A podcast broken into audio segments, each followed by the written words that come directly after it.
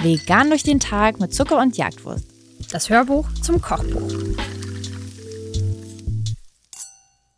Wenn ihr schon mehrere Kuchenrezepte in unserem Kochbuch ausprobiert habt und euch auch die Hörbuchfolgen dazu angehört habt, werdet ihr merken, dass dieses Kapitel in dem Sinne nicht meins ist, als dass sehr viele Rezepte von Isa kommen.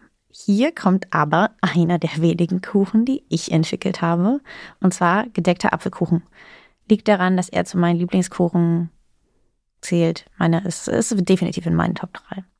Ich glaube, jeder Mensch wächst mit einem anderen Apfelkuchen auf. Kann mhm. das sein? Zum Beispiel, ich hatte in meiner Kindheit immer diesen versunkenen Apfelkuchen, wo so halbierte Äpfel, die wurden dann so eingeritzt und dann oben drauf gelegt. Das war auch mein Blog. Typ Apfelkuchen. Falls ihr ich. das gern hättet, ja, könnt ihr das Rezept auf dem Blog finden. Ich finde aber fast alle vereint es, dass man Apfelkuchen nachsagt, dass sie am allerbesten schmecken, wenn sie warm noch sind.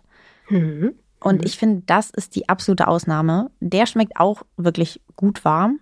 Ähm, Habe ich auch ganz oft, dass so ein Viertel schon weggeht, wenn der frisch aus dem Ofen kommt. Ich hingegen liebe den aus dem Kühlschrank, weil ich einfach finde, dass diese relativ dicke Schicht an Apfelmus, also Apfelmus generell schmeckt ja auch geil, wenn er kühl ist, wenn er mhm. frisch ist. Und ich finde, das merkt man einfach bei diesem Apfelkuchen auch. Und der ist dann fast wie so ein, na, wenn man es will, ist es ja ein super dicker Keks am Ende.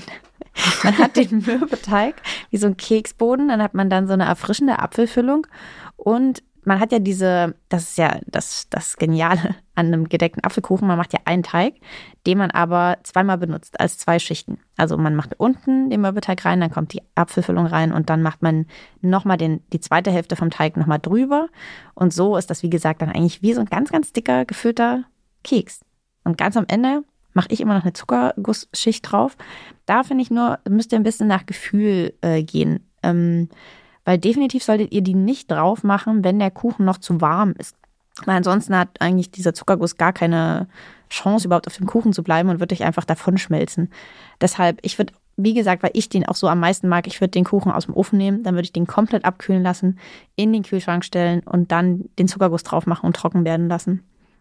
Aber ihr könnt das natürlich machen, wie ihr möchtet. Ihr müsst tendenziell auch gar keinen Zuckerguss da drauf machen. Ihr könnt es auch warm essen.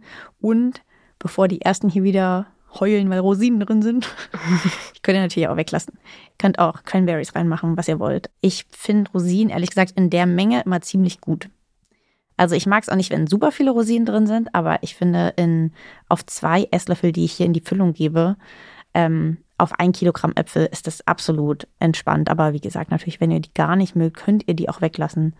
Ähm, ihr könntet auch theoretisch diesen Zimt zum Beispiel weglassen. Aber ich finde schon gut, wenn man nochmal so einen kleinen Geschmack da drin hat. Ja, auf jeden Fall. Könnte ich denn die Äpfel auch komplett austauschen? Ich dachte, weglassen. ja, also wenn ich jetzt Äpfel gar nicht mag, ich glaube, mit Birnen würde das bestimmt auch easy funktionieren, oder? Ja, ja. auf jeden Fall. Also Äpfel, Birnen, glaube ich, kann man wahrscheinlich immer austauschen, oder? Bei fast allen. Ja. Rezepten.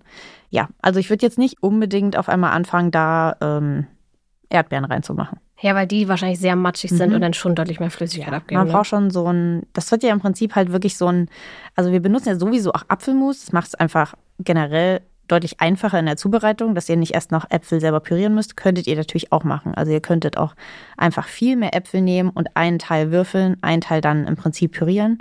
Ihr könnt, ähm, das ist halt hier, deswegen gibt es ja auch nicht nochmal extra Zucker drin, weil der Apfelmus ja so auch schon gesüßt ist. Wenn ihr möchtet, könnt ihr natürlich auch Apfelmark nehmen, dann habt ihr aber wirklich eine ziemlich ähm, säuerliche Füllung, aber auch das könnte sich ja wieder ausgleichen mit der Zuckerschicht. Also auch da könnt ihr je nach äh, eurem eigenen Geschmack das Ganze ein bisschen süßer oder säuerlicher machen. Hängt ja auch ganz stark davon ab, welche Apfelsorte ihr benutzt. Da äh, schreibe ich euch aber gar nichts vor. Das könnt ihr wirklich so machen, wie ihr wollt und eure Lieblingsapfelsorte verwenden.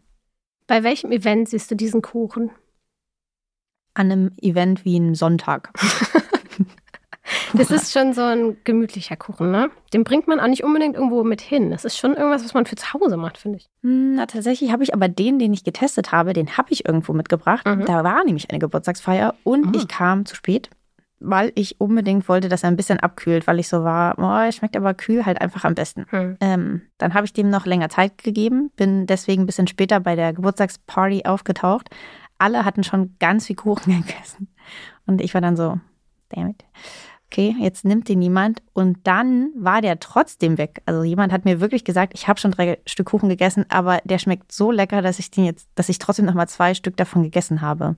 Der wiederum war aber eben auch ein Fan davon, dass der noch ein bisschen warm war. Also ne, im Endeffekt. Ich hm. glaube, dieser Kuchen, da egal wie ihr den mögt, ähm, ich glaube, da ist für alle was dabei. Ist definitiv finde ich einen Kuchen, den man Großeltern und Eltern anderen Familienteilen wirklich mal mitbringen kann, ähm, weil ja gern an so veganem Kuchen ein bisschen rumgemäkelt wird. Ich glaube, den stellst du hin und es schmeckt niemand, dass der vegan ist.